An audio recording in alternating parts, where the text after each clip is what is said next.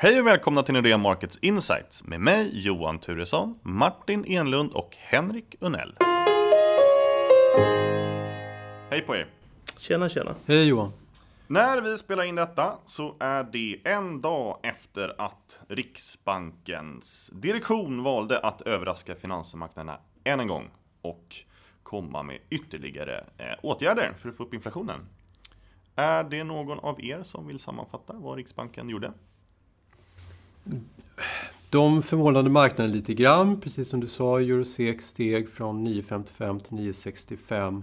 Och det visar sig att marknaden, om man nu ska vara petimetrig, det är ju inte ni lyssnare intresserade av. Men visst, i, i den kortare delen av räntekurvan så visade det sig finnas lite höjningspremie som man sen plockade tillbaka. Det Riksbanken gjorde var att de sköt den första höjningen eh, på framtiden. Ett kvartal, man eh, fortsatte med sitt QE-program, det vill säga man utökade sitt QE-program med 15 miljarder. QE betyder ju obligationsköp, det vill säga att de köper statens skuldsedlar. Ytterligare en variant på en väldigt expansiv penningpolitik där man försöker få ner räntor och precis som Johan säger få upp inflationen. Samt att man i närtid ändrade lite grann riskbilden när det gäller sannolikheten för en sänkning. Man plockade bort tre punkter. Det var väl det mest hawkisha. Annars så var det precis som Johan säger väldigt, väldigt duvigt. Signalen var tydlig. Vi kommer inte höja räntan eh, innan i mitten 2018 och alla ni som spekulerar i att att en starkare ekonomi i Sverige, en starkare omvärld, minskade riskpremier i Europa därför att utfallen i valen egentligen går marknadens väg, jada jada. Eh, ni, kan, eh, ni, ni, har fel helt enkelt och, och så korrigerade man, man marknaden eh, på det sättet. Har du någonting att fylla i? Jag... jag tror vi sa i förra podden att Riksbanken är väldigt duktiga på att hitta på saker att oroa sig för även om det inte finns någonting att oroa sig för. Och det var väl lite ett exempel av den här aprilbeskedet att trots att det mesta går åt rätt håll globalt så ja, man väljer att ta det säkra för det osäkra och eh, förlängde sitt penningtryckarprogram som Henrik säger. Men eh, det här har ju lett till att du har ju ändrat vår prognos på eh, Eurosec, Martin, eller hur? Jo, vårt huvudscenario inför eh, aprilmötet var att Riksbanken inte skulle förlänga sitt penningtryckarprogram. Och om man inte hade gjort det här, då hade dessa vågade spekulanter som misstänkt, trott eller förhoppats att Riksbanken skulle kunna höja räntan kanske redan någon gång sent i år. Då hade de fått lite vatten på sin kvarn. Men nu när Riksbanken pekar med, inte hela handen, men i alla fall halva handen på resten av året och säger vi ska minsann trycka pengar även fortsatt. Då blir det väldigt svårt för de här Eh, för det här lilla kollektivet att hålla fast vid sin syn att Riksbanken höjer i år. Och det blir också svårt att tro att Riksbanken ska kunna höja någon gång redan i början på nästa år. Och tar man bort de här riskerna så blir det lite svårare att tro att kronan ska förstärkas helt enkelt. Ehm, det blir svårt att spekulera om räntehöjningar så länge Riksbanken trycker pengar för att hålla ner långräntorna. Eh, men hur ser det ut då egentligen? För att om man, om man kikar på Riksbankens penningpolitik så eh, går man efter den så ska det väl egentligen vara kris i Sverige. Samtidigt då lyssnar man på våran eh, finansminister till exempel så är det ju toppen med allting. Vad är fair value på Sverige egentligen? Kallar man det idag. En, en sak som um, understundom stör oss strateger är att man ibland i offentligheten på sina håll glömmer bort att den svenska ekonomin är fullpumpat av uppåttjack. Om man uttrycker sig lite dramatiskt. Vi har en minusränta, den mest minusiga räntan efter Schweiz i hela G10, i hela världen. Och vi har en krona som är helt skjuten i sank. Och att då tro att de tillväxttal, de arbetslöshetstal och den husprisutveckling vi har inte har med det här att göra, det är väldigt, väldigt konstigt.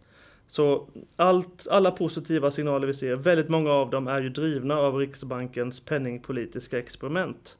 Eh, och det här är lite intressant för Henrik här brukar ju sitta och skaka av ilska varje gång vi pratar om minusräntor och på många sätt ger jag honom rätt.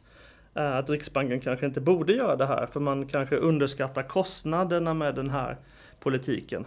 Men de här kostnaderna syns ju inte nu. Och det de kommer synas sen. De kommer kanske synas sen. Men, och det är ju det lite, lite tråkiga scenariot. Och vad är då, vad händer egentligen med den reala ekonomin som gör att fair value förmodligen är betydligt lägre? Det vill säga att eh, varför är de här BNP-talen och BNP-prognoserna som vi har och som alla andra har artificiellt upptryckta? Ja, vad, är det, vad är det för fenomen som låga räntor och svag krona ger upphov till? Ja, till exempel så stigande huspriser vilket gör att när vi, när vi säljer våra fastigheter så betalar vi in mer skatt, reavinstskatt, till statens budget. Och pratar man om statens budget på utgiftssidan så har vi så här låga räntor som naturligtvis hjälper staten att eh, försörja den, den svenska skulden.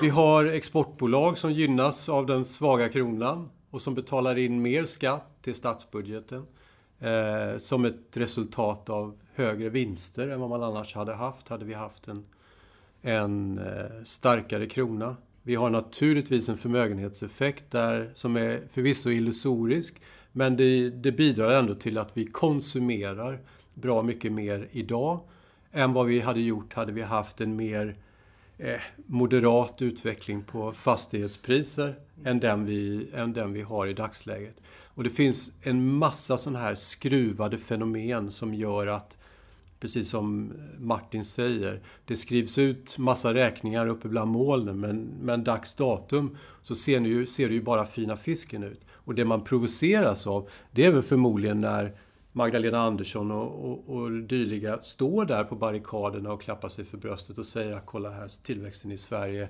vida överstiger vår omvärld. Så det är förvisso, det är ju sant. Eh, men det är ju inte hela storyn som hon berättar. Magda Bob inte. kallar vissa henne i offentligheten. Ja. Uh, hur som helst, tilläggas till Henrik här, jag tycker Henrik låter förvånansvärt balanserad. Så nu inser jag att jag själv kommer låta som den klart mer radikala av oss två. Det vill jag ju egentligen Vänta inte. Bara. Men Ehm, jag tycker man kan gå tillbaka och titta lite på andra ekonomier om man nu ska bäsa Sverige lite. För det kan vara kul när allting ser så fantastiskt ut. Och innan den europeiska skuldkrisen satte fart 2008-2009 så såg det till exempel ut som att Irland och Spanien hade oerhört starka offentliga finanser. Men i efterhand vet vi nu att hela deras ekonomier var en bubbla. Skatteintäkterna var överdrivna på grund av fastighetsbubblor till exempel och hela ekonomierna var som sagt en bubbla. Förmodligen hela EMU var en bubbla 2007. Det här var ju svårt att räkna ut med, om man bara satt och tittade på siffrorna. Så man får fundera på uthålligheten av den i den ekonomiska miljön som i, som, i vilket de här siffrorna produceras helt enkelt. Eh, och där finns det ju frågetecken kring Sverige om man tittar framåt några år. Om Riksbanken någonsin lyckas höja räntan lite till exempel, hur ser det ut då? Sen ska man också ha med sig, utöver de här riskerna med, som har med Riksbankens penningpolitik att göra, så brukar i alla fall jag, som är lite av en MÖP på sina sätt, militärt överintresserad Ehm, så underinvesterar Sverige och det grövsta i sin militär. Vi har alltså 1% av BNP som läggs på militären. Och vi har underinvesterat i 10 år. Och NATO tycker att man ska lägga minst 2% och det verkar också vara ett stigande krav. Tyskland har sagt att de ska lägga 2%. Så det är väl rimligt att Sverige lägger 2% av BNP på försvaret. Och det här innebär ju automatiskt sett att vårt underskott är egentligen lite större då från statens sätt. Försvarsbudgeten är Försvarsbudgetunderskottet, eftersatt. Ja. Precis. Och om vi nu har underinvesterat i försvaret i 10 år då bör vi överinvestera i minst 10 år för att kompensera för underinvesteringen. Så jag tycker egentligen vi borde lägga 3% på försvaret ja. av BNP per år. Och addera vi... befolkningsökningen i Sverige också och kommunplattformen som är alldeles för liten för att härbärgera den. Tyskland har 50% fler poliser än Sverige. Är det rimligt? Ska inte vi ha lika många poliser som Tyskland? Vi har ett mycket större land till exempel. Så det finns massa fält där Sverige underinvesterar eh, om man ska fundera på uthålligheten i, i statens finanser. Tycker jag, tycker jag själv då. Det här är inte Nordeas offentliga åsikter. Men, um, så, så vi ifrågasätter hur bra det egentligen ser ut. Ehm, det är inte så himla bra som det ser ut för Riksbanken står för mycket av tillväxten och vi lever på ja, lånad tid. Lånad tid. Mm. Men när, när, vi pratar med våra eh, kollegor och för all del eh, ni två så är vi väldigt upp, liksom upprörda på, eh, på Riksbanken. Men det är inte säkert att gemene man känner till eh, vad Riksbanken eh, sysslar med. Och politikerna verkar än så länge eh, inte så oroade heller eftersom att det, som ni säger, ser ut som att Sverige har väldigt hög tillväxt. Kan det här leda till att Riksbankens oberoende kommer ifrågasättas om de liksom har dragit det här för långt? Vad tror ni?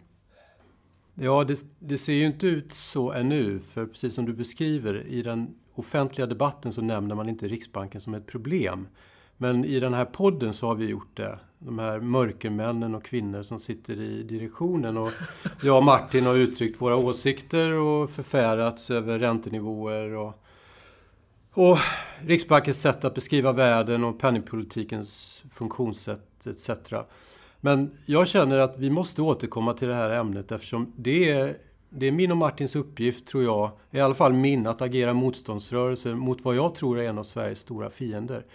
Eh, dels för mitt eget samvete och dels för att kunna se mina barn, mina barn i ögonen när de frågar pappa, du var ju en del av marknaden när Sverige förvandlades till aska. Hur kunde inte du protestera mot den här befängda idén med minusräntor och som centralbanker som löpte amok med sedelpressen? Så äh, återigen, hear me out, precis. Jag ska försöka pedagogiskt förklara varför Riksbanken äh, är obsolet och hur deras uppdrag egentligen måste omformuleras för att vi ska kanske kunna rädda Sverige. Jag vet inte ens om det går att rädda. Men om du har räntor under en längre period som avviker från en nivå som förknippas med någon form av balanserad ekonomi så kommer otäcka saker att inträffa på sikt. Så enkelt är det. Och Sverige är sett i det perspektivet, precis som Martin varit inne på, eh, en, en given kandidat. Alltså om man tittar på världen så har vi globala produktionsförhållanden idag, till skillnad från tidigare. Där kapital, arbetskraft och varor det flödar fritt. Och det har resulterat i att vi har inflationstakter som är lägre än de flesta centralbankernas inflationsmål. Och istället för att lägga sig platt inför det faktum att ekonomin fungerar annorlunda idag än för 20 år sedan så fortsätter till exempel vår centralbank att jaga sitt 2-procentiga inflationsmål. Och Riksbankens utgångspunkt är den högst dubiösa förklaringen att nej, men inflation under 2 det är, den, det är det värsta som kan drabba en ekonomi. Att lägre men inf stabil inflation, säg 1% skulle leda till en över tiden sämre tillväxtnivå. Det finns det inga som helst belägg för. Alltså KPI i Sverige har i snitt varit 1,4% de senaste 17 åren och Sverige har växt med 45% under den perioden. Så om man tittar på världen så är inflation det är ju egentligen en utbudsbrist. Och i dagens gränslösa värld så indikerar frånvaron av 2% inflation eller pristryck att det, finns, det måste finnas lediga resurser någonstans i den globala ekonomin. Och svensk penningpolitik kan ju omöjligt påverka storleken på den kinesiska produktionsplattformen. Men det påverkar ju värdet på den svenska kronan för när Riksbanken sänker räntan då sänker man också kronan. Och Riksbankens strategi har ju varit att försöka trolla fram inflation som inte finns via en försvagning av kronan som då leder till högre importpriser. Men, här kommer det fina. Den globala konkurrensen för alla retailbolag eh, när det gäller försäljning av konsumentprodukter, det vill säga det som går in i KPI, det hindrar svenska företag från att föra vidare massa kostnadsökningar. Och därtill så har ju då Riksbanken råkat ut för att kronan försvagas ju inte längre utan den har upphört att försvagas. Vilket gör att det här inflationsfusket med växelkursen, det är ju då i stort sett över. Så svensk kärninflation, KPI, minus livsmedel och energi, det är ungefär i linje med det globala genomsnittet. Det vill säga inget land har inflation eh, i västvärlden som är tydligt över 1% med undantag för ja, USA kanske då. Och utsikterna framåt att global inflation ska ta fart, nej de finns inte. Men det som händer det är att när Riksbanken bestämmer räntenivån så bestämmer de också priset på kapital, det vill säga nivån på marknadsräntor. Det är avgörande för svensk kreditexpansion, för tillgångspriser och för hur hushållen och förvaltare i svensk penningmarknad eh, etc. Hur, vad de tar för risker. Och om vi saknar någon form av pristryck i konsumentledet så finns det massor av tillgångsprisinflation. Jag vet Martin, nu bubblar du. Eh, men låt mig bara föra vidare, eller slutföra det här. Att eftersom Riksbanken har ju via styrränta makten över Sveriges samlade kapital och tillgångsmassa. Och där är ju då inflationen skrämmande hög. Och Riksbanken försvarar sig med att den här typen av frågeställning, det, det, är inte våra problem. Det är Finansinspektionen och regeringen som ska få ta tag i det. Men man får vara bra naiv om man likt Riksbanken tror att Finansinspektionen via någon form av lagstiftning ska komma till rätta med, med, med den svenska kasinoekonomin. Det går inte! Och hur ska man tolka Riksbankens budskap som de skickar vid sina penningpolitiska möten där de hela tiden skjuter på höjningar, flackar sin, sin räntebana etc. Fortsatta minusräntor. Man ska tolka det som om att de uppmuntrar hushållen till att låna vidare. De subventionerar den svenska exportindustrin via sin kronförsvagningspolitik och de välsignar den här nuvarande inkomst och förmögenhetsomfördelningen som är gigantisk. Och man gör det i ett läge när hela världen växer över sin långsiktiga potentiella tillväxt. Och Sverige är med om en klassisk konjunkturuppgång där resultaten hos våra industribolag mer eller mindre eh, bekräftar att det är på det viset. De har en efterfrågan som är, som är fantastisk. Och det, det är mitt problem. Att du Ja, det är mitt problem med Riksbanken. Jag brukar st okay, jag, jag, vill, jag vill säga några kort, korta ja. uh, reflektioner kring det här. Uh, jag tycker, och jag har sagt det här till vissa av direktionsmedlemmarna hos Riksbanken, att det är på sätt och vis i alla fall så är det absurt att sex personer i Sverige ska sitta i dunkla rum och, i dunkla rum och styra samhällets viktiga pris. Det, det, känns lite konstigt helt enkelt.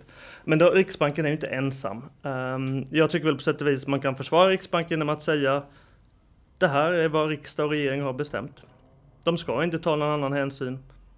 Och då sitter Riksbanken där som ska sitta där på sätt och vis som goda byråkrater och göra vad de har blivit tillsagda eller så ska de avgå. det är egentligen ett försvar mot det här. Och så vill jag också säga att att för några år sedan, om man går tillbaka till 2013, då fanns det mängder av duktiga bedömare Eh, bland dem i den globala centralbanksvärlden kan man säga, Claudio Borio och andra, som satt och funderade något oerhört kring kostnaderna, kostnaderna med expansiv penningpolitik. Kostnaderna med vad som då kallades för kreditcykeln, om krediterna växer snabbare än vad som är långsiktigt hållbart och så vidare. Det här smögs in smög in sig i Riksbanken också kring den här tiden och det var Ehm, vilda strider i korridorerna på Brunkebergs torg mellan olika direktionsledamöter om hur Riksbanken skulle uttrycka det här med, med kostnaderna för aggressiv penningpolitik. Allt det här ändrades ju dock 2014, ungefär 13-14, i samband med oljepriskollapsen speciellt. Så alla centralbanker nästan världen över har börjat kämpa frenetiskt för att få upp den här inflationen mot målet. Och Riksbanken sitter där och kämpar allra mest av allihop egentligen. Men de är inte ensamma om att göra det här och på sätt och vis kan man försvara dem med att hänvisa till Reinfeldt och till Löfven och eh, deras respektive finansministrar. Det här är precis vad eh, svenska folket har bestämt genom riksdag och regering och de val som har gjorts, skulle man kunna säga. Även om jag förstås håller med Henrik i väldigt mycket av den här bilden. Precis. Eh, jag förstår Martin vad det är han säger, men det, mitt problem, jag tror att jag hade kunnat vara mer tillmötesgående när det gäller Riksbanken. Eh, hade de var, haft ett öppnare debattklimat kring sin uppgift, sin, eh, sin verktygslåda och om hur världen ser ut. Alltså jag tycker att de är så oerhört kategoriska. Eh, ungefär som det här svenska debattklimatet i övrigt där allting är vitt eller svart.